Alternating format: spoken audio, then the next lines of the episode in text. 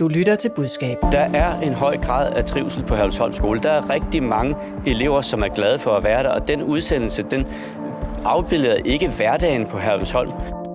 Den nu tidligere rektor på Herlevsholm har haft travlt med at forsvare sin skole i medierne mod anklager om overgreb og en voldskultur. Men to dage efter TV2-dokumentaren om skolen rullede over skærmen, var han fyret. Er det klogt på den måde at skifte talsperson, mens krisen ruller? Findes der gode svar, når en dokumentar kortlægger overgreb og krænkende kultur? Og er det muligt for bestyrelsen på Herlufsholm at skabe en ny fortælling?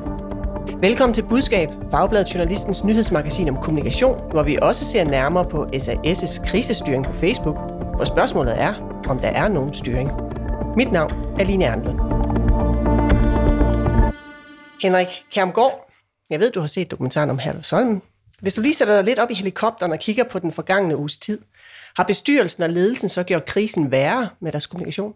Ja. Velkommen. Stifter af byrådet White Cloud og tidligere mangeårig rådgiver for de radikale, Margrethe Vestager. Kasper Strand, du får også lov til at sætte dig op i helikopteren og kigge ned over den sidste uges tid. Øh, har bestyrelsen forværret krisen med kommunikationen? Ja, det synes jeg også, de har. Velkommen.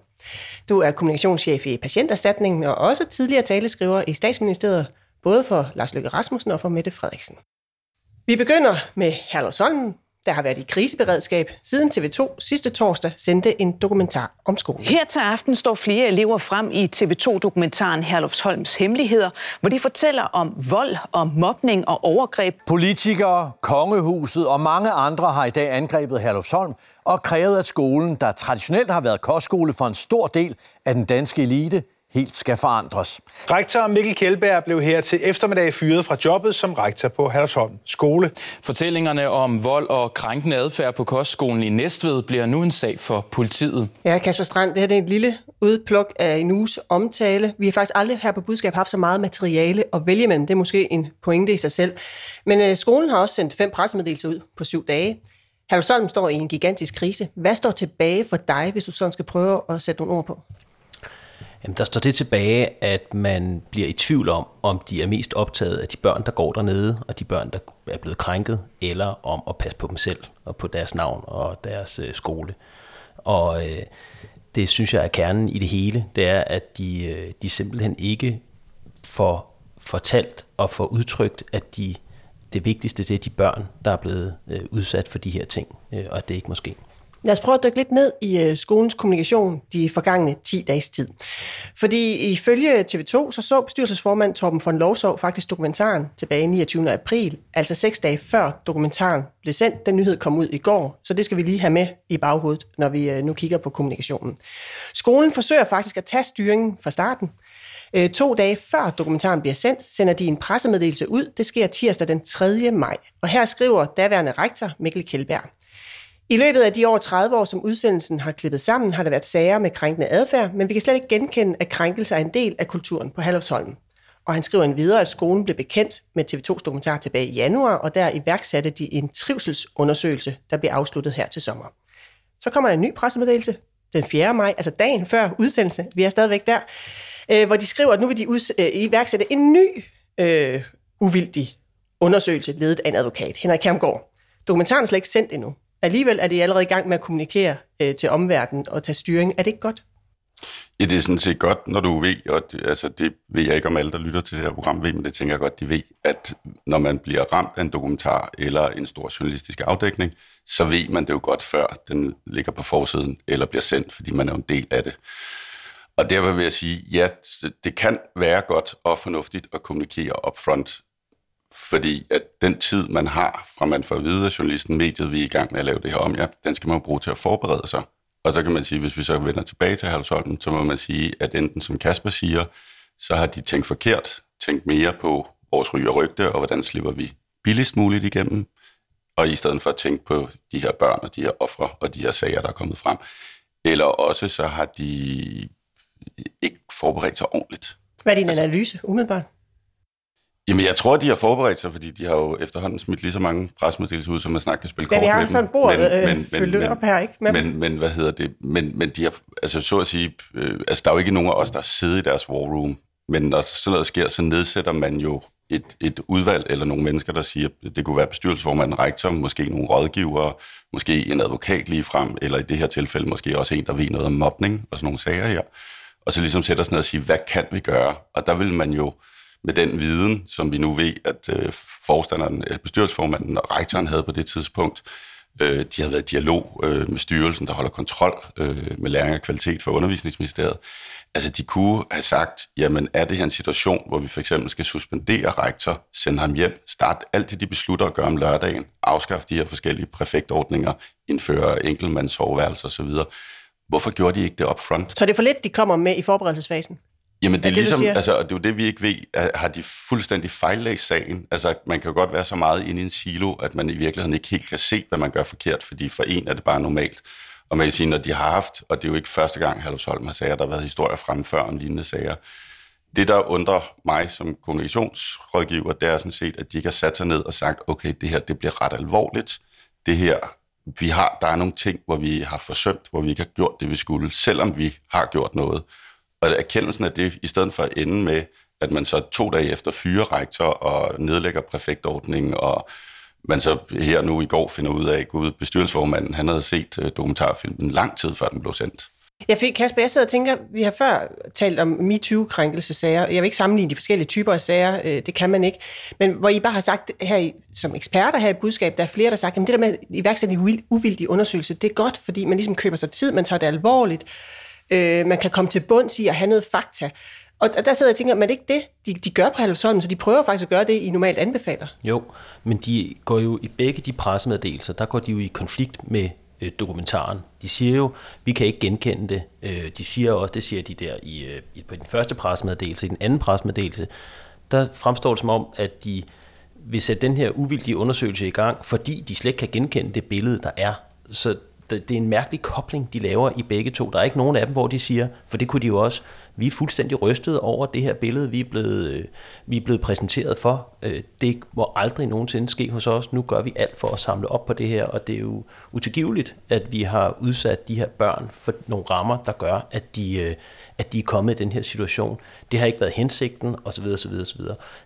Men jeg synes, jeg synes jeg er enig med Henrik i, de, gør jo, de går jo ud og gør, som vi, som vi normalt, som man normalt vil anbefale, men det er jo indholdet i det, de går ud med, som bliver skævt, og det forfølger dem jo resten af tiden, for nu er det jo en kamp hele tiden, også med forældregruppe og så videre, mod noget, vi alle sammen kan se er skævt. Ja, skal vi så ikke prøve at skrue tiden frem til klokken 20 torsdag aften, det er en uge siden, der går TV2 i luften med denne her dokumentar. Øh, TV2 har talt med i alt 50 tidligere elever fra skolen i dokumentaren. Tre tidligere elever står frem med navn, andre udtaler sig anonymt. Og i dokumentaren, der hører vi om decideret overgreb. Øh, vi hører om en hård kultur på skolen. Det kan være vold. Det kan være seksuelle overgreb, som at få stukket en finger op i numsen. Øh, og i dokumentaren, der bliver den nu tidligere rektor Mikkel Kjeldberg spurgt, om skolen har levet op til sit ansvar. Der sker ting, når man har unge mennesker til stede, og det skal en skole være opmærksom på og arbejde for trivsel. Og med det, jeg har vist dig i dag, vil du så sige, at det er der på Herlufsholm? Det, du har vist mig i dag, det er nogle episoder, som aldrig skulle have været foregået på nogen som helst skole øh, i verden. Det er øh, chokerende episoder, og det er episoder, der gør, at vi skal se, om vi skal komme endnu tættere på eleverne, om der er nogle ting, vi skal øh, øh, angribe anderledes. Ja, Kasper Strand, han tager jo ret kraftigt øh, afstand fra de episoder i dokumentaren. Alligevel er du ikke imponeret over hans øh, fremtræden. Hvorfor ikke? Jamen, jeg synes, han, øh, jeg synes, han virker usikker, når han taler. Og jeg synes, at øjnene flakker. Det er sådan hans fremtoning. Men kan det ikke være, fordi han er nervøs? Og det kan jo godt være, fordi han er nervøs, og han er, han er jo heller ikke nødvendigvis trænet til det her, så det er også helt fair. Men jeg synes ikke, man får fornemmelsen af, at det her kommer helt ind under huden på ham. Og jeg synes ikke, man får fornemmelsen af, at han er oprigtigt øhm, oprørt over det her. Og Hvad skulle der til, for at du havde den fornemmelse? Jamen, jeg synes, han, øh, jeg synes, han kommer til at lægge noget over på børnene. Altså, jeg synes, han kommer til at tale om, det er jo, hvad der sker. Nu parafraserer jeg lidt. Hvad der sker, når man har børn øh, samlet, og det skal vi selvfølgelig gøre, gøre noget for, men det er jo hans ansvar, hvordan de rammer er. Og de børn øh, agerer jo i de rammer, der er. Altså, de udfylder de rammer, der er med perfektordninger og kultur osv. Så, videre, så, videre. så, så, øh, så jeg synes ikke, han tager det ordentligt på sig.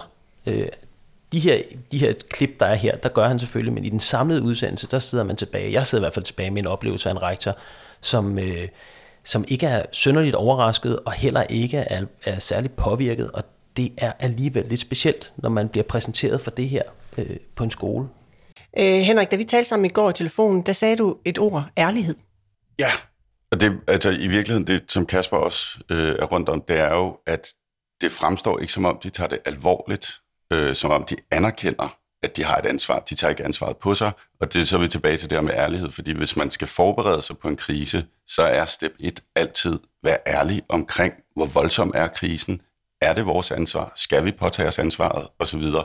Og alle de spørgsmål skulle Herlufsholm jo have svaret ja til. Men jeg, tror, jeg tænker, og, og, de føler, at de er ærlige, altså øh, i deres Ja, fordi verden. du kan sige, der er jo sådan set, hvis du tager de isolerede citater fra, fra den rektor, som så blev fyret et par dage kort vej efter, så er der jo ikke noget forkert i det, han siger. Men som Kasper også er inde på, han skyder også i presmeddelingen, skyder de lidt skylden på, på TV2, siger, at det, det er også meget skarpvinklet, og de blander en masse ting sammen. Det er 30 år historie, de fortæller. Øh, og så prøver de at unddrage sig lidt og sige, at det er sådan, det er på en skole. Altså, at, at de relativerer jo noget meget, meget alvorligt. Og det er derfor, jeg siger, jeg tror ikke på deres, så at sige, første møde, som jo kunne have fundet sted for lang tid siden, at de har sat sig ned og sagt, er det her et problem? Og er det et kæmpe problem? Er det vores ansvar? Skal vi tage det meget, meget alvorligt? Det, det har jeg svært ved at forestille mig, at de har gjort. Eller hvis de har gjort det, så er spørgsmålet, eller deres svar har været nej til mange spørgsmål. Og hvis du ikke har den ærlighed, så ligegyldigt hvor smart du er til at kommunikere, så bliver du indhentet på et tidspunkt. Der er, hvis jeg må sige et citat, der er en meget berømt amerikansk baseballtræner, der engang sagde, når du bliver ramt af en krise, så skal du ikke gemme dig bag nogen eller noget, for du bliver altid fundet. Og det er det, de bliver her, eller hvad? Ja. Ja, jeg synes det mest, altså det, er jo, det skal jo, en dokumentar her er jo som, som koncept, koncept jo afslørende, men jeg synes faktisk det mest afslørende for dem, det bliver jo den kommunikation, de laver. Altså fordi det afslører jo, at de ikke er på omgangshøjde med, med, med nutiden, og at de ikke tager... Men det er jo det, de er stolte af. De kalder det traditioner, ikke? Ja, og det, men, men det er jo en temmelig hæslig tradition, øh, hvis det handler om, at man bliver overfaldet osv. osv. Det kan jo ikke forsvares, og de, de forsøger øh, at, at, at øh, krabbe sig udenom hele tiden, og det synes jeg bliver det mest afslørende, for det afslører jo faktisk, for mig i hvert fald, at det er en del af kulturen. Og man kunne jo også vælge at sige, jamen den der diskussion om, hvad er kultur og ikke kultur, er, er det kulturen, eller er det ikke kulturen? Altså, jeg synes, det fremstår næsten lidt komisk, fordi det her, det er jo en del af kulturen. Så kan der være en anden Men Kasper, kultur de, sidder, også. de, for, de siger jo, at det her det er ikke en kultur, det her det er enkeltsager. Og så dokumentaren og, og, og andre øh, ude, øh, uden for Herlevsholm siger så, at det er kulturen. Er det ikke der forskellen ligesom er, at de siger, at det her det er ikke kultur, det er bare enkeltsager? Jo, men jeg, for mig tænker jeg bare, jamen det er jo så en del af kulturen. Det er jo ikke, det, selvfølgelig er det ikke det fulde billede af Herlevsholm, men det er da en del af billedet, og det synes jeg, de skal tage på sig, at øh, ja, det kan simpelthen, vi har åbenbart nogle rammer her, hvor det her, det kan foregå. Det, og det er jo frygteligt. Og det interessante det er, at det er jo tit også, altså man kan sige, de kunne jo også kigge på øh, TV2 og på andre MeToo-sager og sige, er der, er der et forsvar, er der en accept af seksuelle krænkelser og voldelig adfærd? Nej, det findes ikke. Nå, så skal vi finde på noget andet. Og, og man kan sige igen det der med, at de er meget forhippet på at sige, det er ikke kulturen på Herlevsholm, ikke? Der er jo ikke nogen i TV2's udsendelse, der siger, at alle elever på Herlevsholm har været udsat for det her. Der er ikke nogen i offentligheden, der har sagt, det sker for samtlige 600 elever på jeres skole lige nu. Nej, der bliver talt om nogle episoder, hvor der så er et spor, der hedder, at øh, sidste år var der en mand, der udgav en bog, hvor han også fortalte om lignende oplevelser på Herlevsholm. For et par år siden var der, lille, der var en, en voldtægtssag, Der var en voldtægtssag for i, i februar måned. I, hvad hedder det, I 2015 var Hornslet ude, det siger nu er et kunstværk, men var ude og fortælle om, hvor forfærdeligt det var at gå på skolen. Jens Martin Skibsted gjorde det i 13, hvor han fortæller til Berlingske Tidene om, at en elev på hans årgang prøvede at begå selvmord. Der er Kasper Fogh Hansens berømte, efterhånden berømte, øh, hvad hedder det, kronik i Information fra 2004. Der har været lavet radiodokumentar tidligere. Der har også været lavet flotte udsendelser om Herlufsholm på TV2. Der gik rektoren ikke ud og sagde, at der mangler noget af det her billede. I har glemt krænkelsessagerne, ikke? Nu siger han det omvendte. Så pointen er, at de har haft, om det er en siloblindhed, en nægtede erkendelse af det ansvar, de har, eller hvorfor. Det er, sådan, det er der jo så ikke nogen af os, der ved. Men det vi ved, det er jo, at ja, de har kendt til det. De har haft dialog med styrelsen om den. Styrelsen er kritisk over for dem. Øh, altså, altså deres øh, bestyrelsesformand har set udsendelsen i god tid, øh, hvad hedder det, og alligevel så begår de fejl på fejl på fejl hyrer en advokat, øh, som sidder på et kontor, hvor der, øh, konen fra et af bestyrelsesmedlemmerne er partner. Og Jamen lad os prøve at se lidt på videre, det der, videre. fordi Altså, lad os prøve at se videre på det, fordi den, nu, nu, nu, nu er udsendelsen blevet sendt torsdag aften, øh, og der, det givet masser af medieomtale, og øh, det gav også masser af farvelse. Øh, medierne flød over øh, med Herlufsholm. Det samme gjorde de sociale medier. Øh, kronprinsparet var ude med en kritisk kommentar, fordi prins Christian er elev på skolen. Statsministeren øh, var og er kritisk. Øh, og på selve Herlufsholm, der var Mikkel Kjeldberg stadigvæk rektor, da vi nåede frem til fredag. Øh, det var ham, der fortsat var talsperson i medierne, for eksempel fredag aften i Deadline på DR2. Skal vi ikke bare lige høre et lille klip? Jeg stillede dig et spørgsmål lige før, om du ja. bestred de elever, som oplever, at det er en del af hverdagen. Så sagde du nej. Ja, lige præcis. Jeg, nej, det, det du stillede et spørgsmål, det var, om jeg bestred de elevers oplevelser, som de har haft på skolen. Altså de episoder, som der bliver beskrevet inde i, øh, i udsendelsen.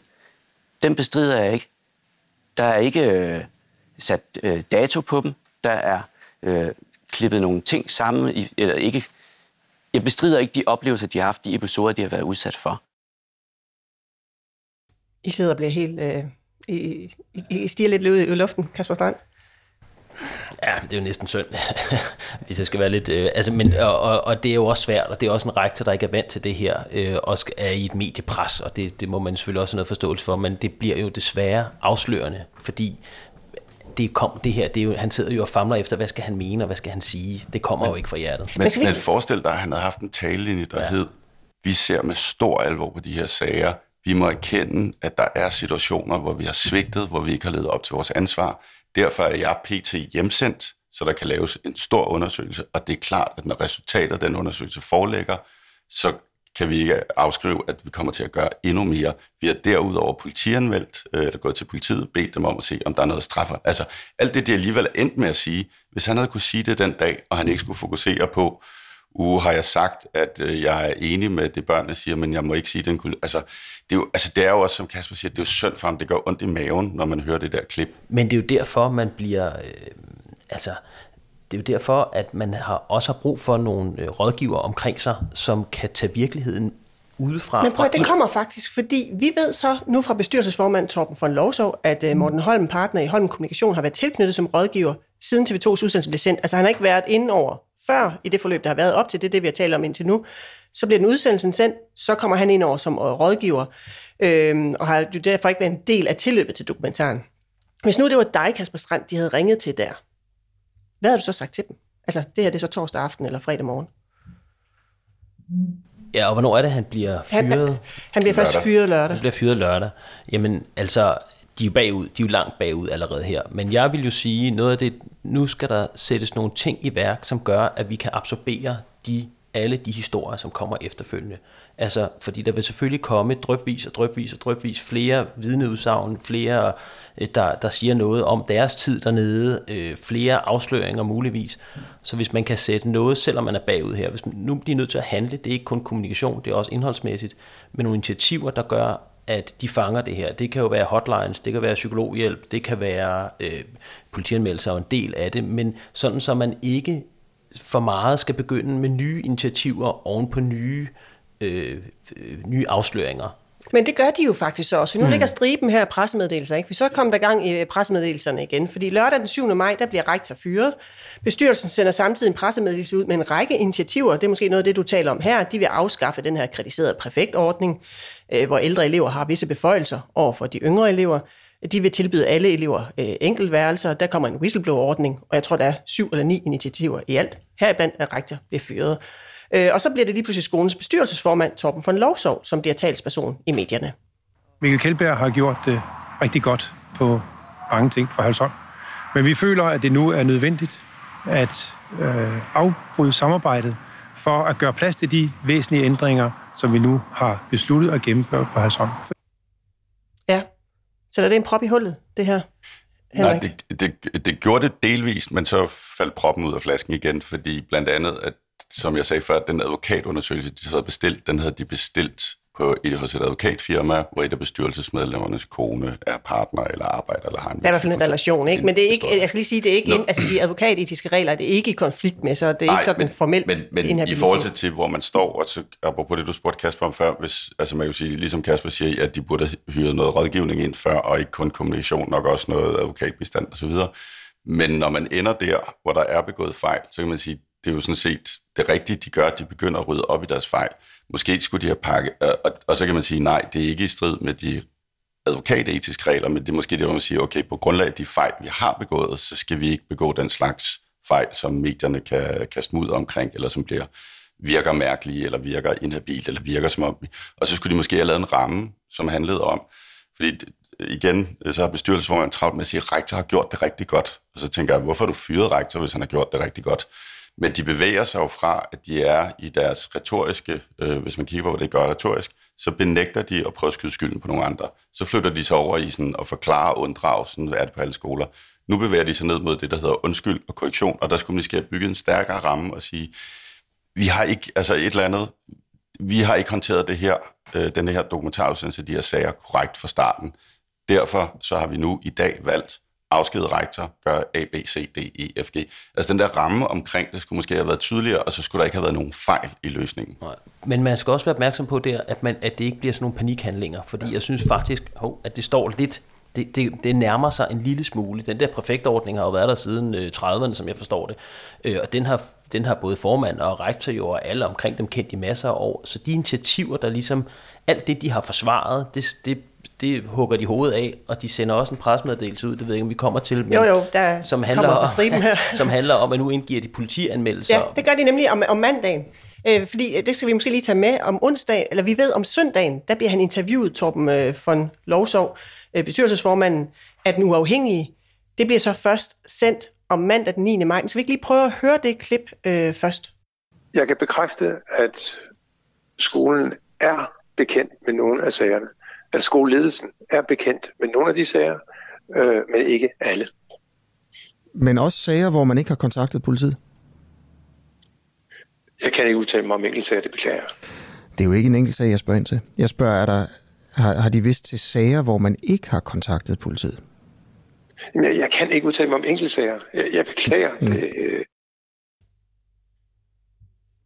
Ja, og så når vi frem til mandag den 9. maj, hvor de så indgiver politianmeldelser. Den skal jeg måske lige læse op. Der står bare, nu tager jeg lige den seddel.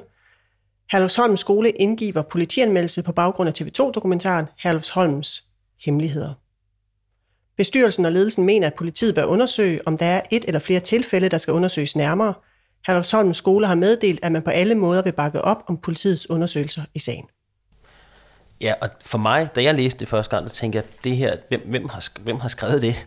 Det er gået hurtigt. Øh, anmeldelse om hvad og mod hvem og, og til hvad. Altså det er sådan en, det, her synes jeg, det nærmer sig, ligner, vi kan jo ikke vide det, men det ligner noget panik. Nu skal der virkelig, virkelig handle, så, så det, den er, den er, den er jo, der er jo noget, noget indhold i den der, som faktisk næsten ikke giver mening, men, men nu begynder man bare at handle og afskaffe og, og fyre, og, og det, det kan Men altså her kan også, godt forstå, hvis de panikker lidt ja, dernede. men det kan også skabe, øh, på længere sigt, kan det også skabe øh, bagslag, fordi næste spørgsmål der er jo, jamen, hvorfor er det først nu? Du har vidst det her længe, og så videre, og så videre. Alt den viden, de også sidder med, bliver pludselig en belastning. Og, og præcis det der, der kan du igen lægge den torsdag, at dokumentaren bliver sendt som sådan en skæringspunkt, fordi det, de kan lave før, det er jo proaktivt og forberedende. Der kan de lave proaktiv kommunikation, som de forsøgte efter dokumentaren, fordi deres kommunikation så heller ikke virker, og der mangler det her al- alvorligheden og påtage sig ansvaret, så bliver det panik, og så bliver det reaktivt, og så bliver du tæsket rundt i medierne, så at sige. Og man kan også høre det lydklip, Thomas von Lov, sov, Torben von Lovsov. Torben von Lovsov. Jeg har meget svært at udtale hans efternavn. Beklager. Øh, han, er jo, han virker uforberedt. Han virker, han aner jo ikke, hvad han skal svare, og derfor griber han sådan, jeg vil ikke kommentere på enkeltsager. Det er jeg meget ked af, at jeg ikke kan. Ikke? Altså, det er jo, han er jo fanget i skæret for lygterne som et dårdyr, ligesom hans rektor var øh, et par dage før. Og det, der jo så vi kan lægge til, det er, at samtidig kommer det så også frem, at bestyrelsesformanden og rektor mødes en gang om måneden. Et punkt på den dagsorden er elevsager. Ja, og Altså- vi ved jo så også, at han løbende har været i øh, kontakt med Styrelsen for Undervisning og Kvalitet i forbindelse med tilsyn af skolen, Øh, og der har han bakket op om skolen. Det har Berlingske blandt andet afdækket. Ja, og det er, jo, det er jo der, hvor man tænker, der er jo, altså, de har ikke, altså, de har aldrig sat sig ned og fået et overblik over det her og besluttet, hvad gør vi, hvad tager vi ansvar for, hvad gør vi ikke, og så videre. Det er, og muligvis har de været i starten, der hvor man går forberedt sig lidt i neglect, lidt i benægtelse, og så er de endt, som Kasper siger, i panik. Men, men du er jo gammel rådgiver, undskyld Kasper, men, men Henrik, du er jo gammel rådgiver for Christiansborg, og det er ikke fordi, vi sådan skal sammenligne sager, men det her med, at, at nogle gange kan folk også bare have en, en opfattelse af virkeligheden, som du ikke rigtig kan, kan ændre på. Hvad gør man så som rådgiver? Fordi, fordi jeg tænker da, at de virkelig mener det, de siger nede på Hallersholm med, at det her det er enkelt sager, det er ikke en del af en kultur. Ja, men spørgsmålet er, at det er det vigtigste for dem lige nu. Og det er jo det, der virker som om, at det er det, de har stillet øver sagt. Det allervigtigste for os, det er fastholde, at det ikke er en kultur, det engelsk er. Og så vil jeg som rådgiver spørge, hvorfor det er vigtigt for jer. Fordi spørgsmålet er, mudrer det jeres muligheder for at forsvare og forklare jer og komme til at stå rigtigt? Du sagde til mig i går, Kasper Strand, at du ser egentlig sagen som om, at øh, kommunikationen fra Halvsholm handler om at forsøge at gøre Halvsholm til et offer.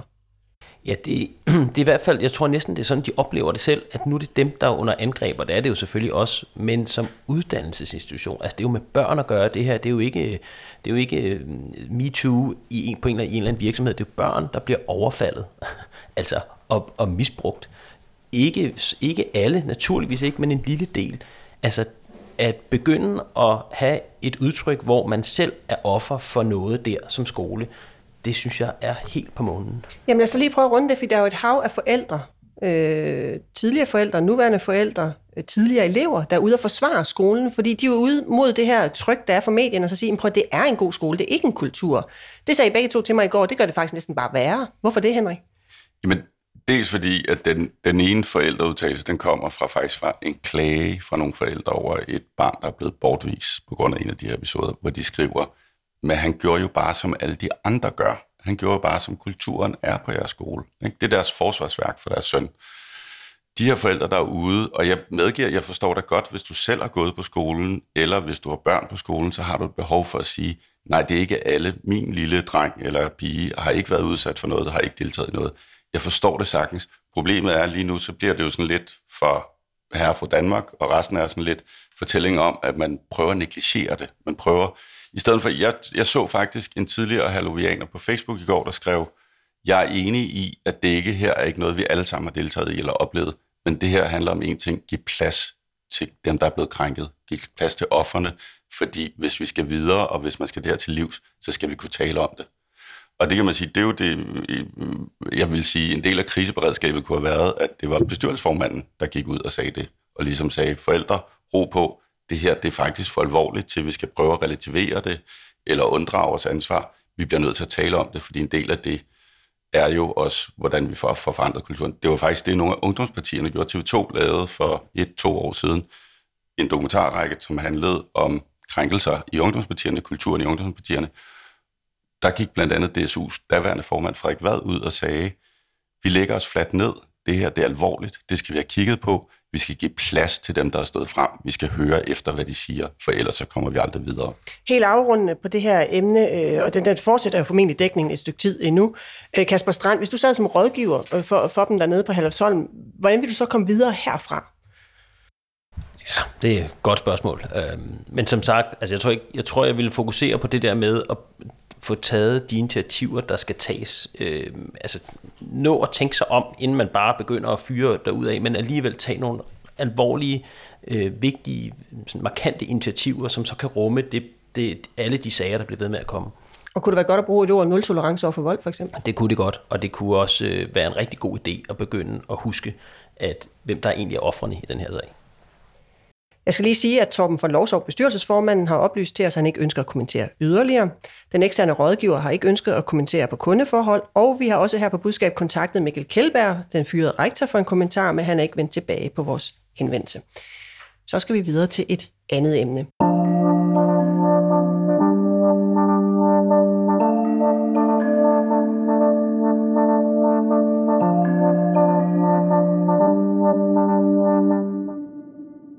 Det er også en krise, men jeg vil sige, øh, alt er jo på den måde, at kriser er jo forskellige, øh, heldigvis. Så den her, den, øh, den der kan vi måske sænke skuldrene lidt. Øh, det handler i hvert fald ikke om øh, overgreb. Fordi inden vi lukker ned for i dag, der skal vi lige nå at tale om dem her. SAS aflyser 4.000 planlagte flyvninger de næste måneder, det skriver det svenske medie Dagens Industri. SAS' presseansvarlig i Danmark, Alexandra Lindgren Kautschi, siger til Ritzau, at langt de fleste passagerer ikke kommer til at mærke til aflysningerne, andet end at de måske bliver ombooket til andre fly. Ja, og aflyste, eller men aflyste fly er langt fra selskabets eneste problem disse dage. Fordi hvis nu man færdes på Facebook, så kan man læse en øh, længere opdatering, som entertaineren og satirikeren Frederik Celius postede i lørdags. Opslaget fylder faktisk det, der svarer til 6 af 4 sider. Så man skal holde godt fast og have god tålmodighed. Øh, jeg skal nok undlade at læse det hele Jeg op. at læse det hele. Men I får lige overskriften. Den hedder, Velkommen til en første klasses røvpuling. Og så bliver teksten ellers indledt således. God lørdag eftermiddag. Sæt jer omkring det virtuelle Facebook-lejrebål. Så skal jeg fortælle jer alle sammen en gyser en flyvetur, jeg har været ude på med SAS Scandinavian Airlines. Og så øh, opsummerer han ellers over de her mange af fire sider øh, en historie om, at han den 21. april skulle rejse fra Firenze til København. Han og de øvrige rejsende blev udsat for adskillige benspænd af SAS. De blev blandt andet omdirigeret til Pisa, sendt retur til Firenze, alt sammen for egne regninger og egne logistiske evner. Øh, og derefter kom så et efterspil med SAS' kundeservice. Opslaget det blev sluttet med disse ord. Moralen i historien er selvfølgelig den, at nok var SAS engang noget, men nu er det bare et lavprisselskab, man betaler fuld pris for. Kasper Strand, hvis nu du sad øh, i SAS, så denne Facebook-ops- øh, det der Facebook-opslag kl. 12.30 lørdag, hvad vil du så gøre? Jamen, så tror jeg, jeg ville øh, melde red alert. altså, øh, fordi fidusen er jo her, eller sagen er jo, at når Frederik Silus laver sådan et, et opslag, som i øvrigt er temmelig morsomt, når man øh, læser ned igennem, synes jeg. Øh, jeg grinede i hvert fald højt nogle gange undervejs. Det er faktisk kortere end Halvsholms samlede presmeddelelse. ja, ja, det er imponerende. Øh, jeg vil, altså det her, det er alvor, det er, det er jo sådan en so krise ikke, der virkelig er på vej, fordi der er så mange, og der er, også, der er jo så mange, der følger øh, og interagerer med det, Ja, også er kendte personer, så det der reach bliver jo enormt stort. Øh, Så der er det altså med at få det der håndteret meget hurtigt. Ja, jeg kan afsløre, at opslaget har fået over 14.000 reaktioner i talende stund, øh, over 3.600 delinger og over 1.000 kommentarer. Øh, og lad os sige det sådan, det er kommentarer, der går i hans retning. Ikke? Øh, der er fut i opslaget. Øh, øh, Henrik øh, Kjermgaard, hvad vil, du sidde, hvad vil du tænke, hvis du sad med ansvaret for de her so folk For det er på sociale medier, det sker her lørdag. Øh, jeg tror, jeg i min stille sind vil forbande nogle andre i virksomheden langt væk over, at de ikke har fået løst det her for lang tid siden. Ikke? Fordi det, altså igen, så er vi jo nede i sådan en sag, hvor hvis nu SAS havde stillet en medarbejder, når flyet landede i Kastrup, og så taget samtlige passagerer sagt, vi beklager, undskyld, vi har jo dit navn og nummer for passagerlisten, du får en erstatning, noget godtgørelse for bla bla bla. Ikke? Fikset, lukket. Frederik havde aldrig fået skrevet sit Facebook-opslag, hvis det var sket. Så derfor vil jeg starte med at bande nogle andre langt væk. Og så vil jeg sige, nu skal vi simpelthen meget hurtigt have the final answer. Fordi, som Kasper også var inde på, så fordi det er Frederik Celius, som er kendt, så får det meget reachen at accelerere, det vil sige, at det bliver spredt utrolig hurtigt, så derfor er der selvfølgelig et moment af hastighed. Men man må aldrig glemme, at det svar, du så giver, skal jo være en lukker. Det skal jo være Ja, det sidste svar, høre og svaret? det rigtige svar, og det gode svar, og ikke en mellemregning. Nej, skal vi lige prøve at høre svaret? Så kan I jo, så kan I jo sige bagefter, om det er en mellemregning, eller det lukker. Øhm, fordi tre timer senere, der går faktisk tre timer, så svarer medarbejderen Nikolas. Hej Frederik, jeg har læst dit indlæg, og kan ud fra det, du skriver, konstatere, at flere ting virker til at være helt galt.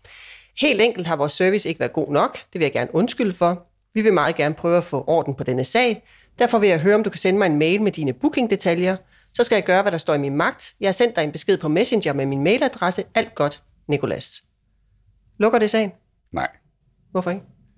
Fordi alle er respekt for Nikolas, og det er jo lidt synd, at det lige er Nikolas, det skal gå ud over, fordi jeg gætter på, at Nikolas bare er en helt almindelig medarbejder. Der Han har fået lørdagsvagt. Han har, fået, han har trukket lørdagsvagten, ikke?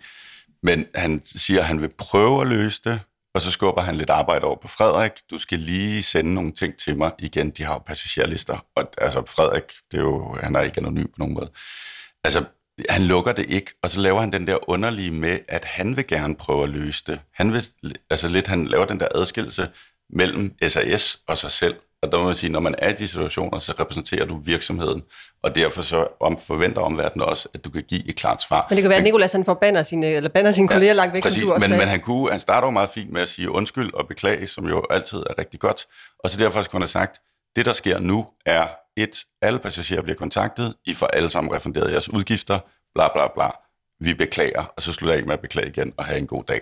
Og så holde øje med, at det, det svar ligesom bliver ved med at være præsent i Frederiks kommentarspor. Men det handler jo også om, hvad for nogle kompetencer han har. Ja, altså, præcis. hvad han, hvad Det er han derfor, kan det er der. sundt for ham. Lige præcis, men det er jo også det, du, du er inde på, ikke? Altså, at det er en vigtig del af det, det er, hvad, hvad har de der, øh, hvad har Nikolas og hans kolleger øh, af kompetencer, altså beslutningskompetencer til at sige sådan og sådan og sådan, sådan, så man kan reagere hurtigt. For det virker også som om her, at de får reageret øh, for langsomt på indholdet, ikke? Øh, Ja, for man kan, jeg kan så afsløre, at Frederik Silius, han var ikke helt tilfreds med svaret. Øh, cirka en halv time efter SS-svaret, der svarede han tilbage, og der skrev han blandt andet, øh, Hej Nikolas, som jeg også har skrevet til dig på Messenger, så synes jeg faktisk, at I skal tage kontakt til alle, der var med den maskine den 24. april kl. 17.55. Og han skriver, ellers så bliver jeg jo bare den, der får kompensation, fordi jeg kan råbe højst, og det er jeg ikke interesseret i.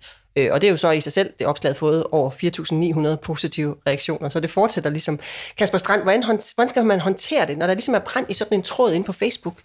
Jamen jeg synes, det der jo så også sker, det er, som jeg øh, har forstået det, at de forsvinder for svaret. Der kommer ikke et yderligere svar derfra, og der synes jeg, de skal blive i tråden, og, der, og i mellemtiden øh, sørge for at få de der ting på plads. Hvad og hvad gør man, hvis Nikolas er fri? Altså helt lavpraktisk, ikke? Det er en lørdag. Ja, så må han jo så må han ringe til sin chef, hvis han har en chef. Det ved jeg ikke, om de har i SAS, det er vist en del af det. Nej, det er jo en del af det, åbenbart. men, øh, men, øh, men, det, men det er noget med at få det der afklaret hurtigst muligt. Hvad kan vi give? Hvad kan vi svare? Og øh, jeg synes egentlig, de er nogenlunde på vej ja. i det. Jeg synes ikke, det er helt off, det der sker. Men, øh, men lige præcis den der med, at det er en kendt, der skriver ind, og så får en særbehandling det, det, det er jo ikke underligt, at det er den, der får så mange likes, fordi det er jo det, man sidder med fornemmelsen af. Altså, hvad hvis det var mig, der havde været ude for det her? Kunne jeg så gøre noget her? Det er jo derfor præcis, nu kender vi jo så også Frederik Selius' svar.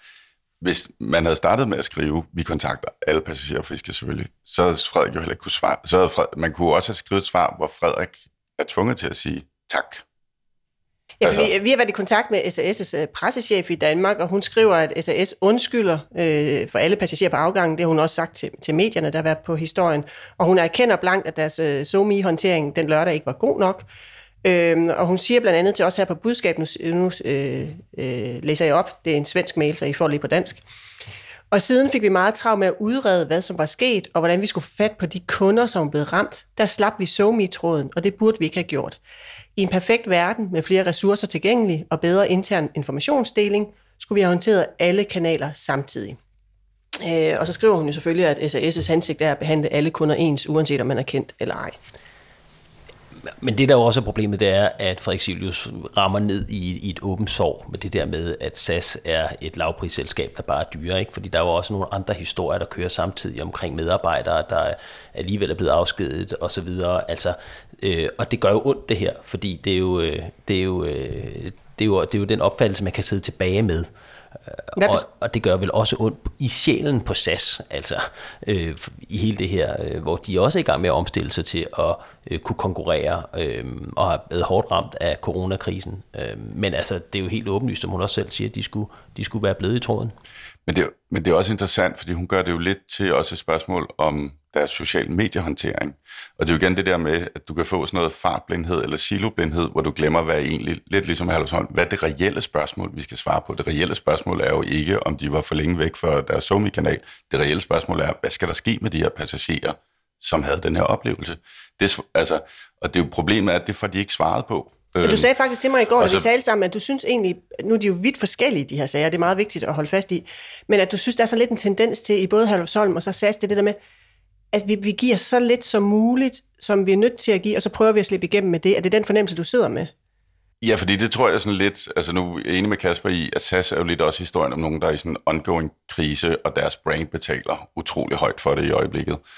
Fordi øh, det her med, det bliver jo bare et lavprisselskab, som tager utrolig mange penge for tingene. Altså, altså, der er jo den der, du kan blive blind, fordi at du er i sagen, og derfor så lige pludselig, så er det alle mellemregningerne, der bliver, og det oplever lidt, det er det, det er blevet for SAS, det er mellemregningerne, de forholder sig til. De forholder sig ikke til det store spørgsmål, og der er ikke parallellen til Herlufsholm, som heller ikke forholder sig til det store spørgsmål. Og jeg tror, også baseret på de kriser, jeg selv har været involveret i, og det gør vi rådgivere også skyldige i, at vi glemmer nogle gange gå de der to skridt tilbage og sige, hvad er det egentlig, vi bliver spurgt om? Hvad er egentlig offentlighedens spørgsmål til os nu? Hvad er Frederik spørgsmål? Hvad er mediernes, hvad er det egentlig, vi diskuterer? Lad os svare på det, og så lad os lige huske, at i omverdenen, der er vi SAS eller Herlufsholm, der er vi ikke forskellige mennesker, og folk, altså, folk skal ligesom med DSB, altså, de skal jo heller ikke forholde sig til, at det er Bane Danmark, der har gjort det. Nej, mit tog kom ikke til tiden.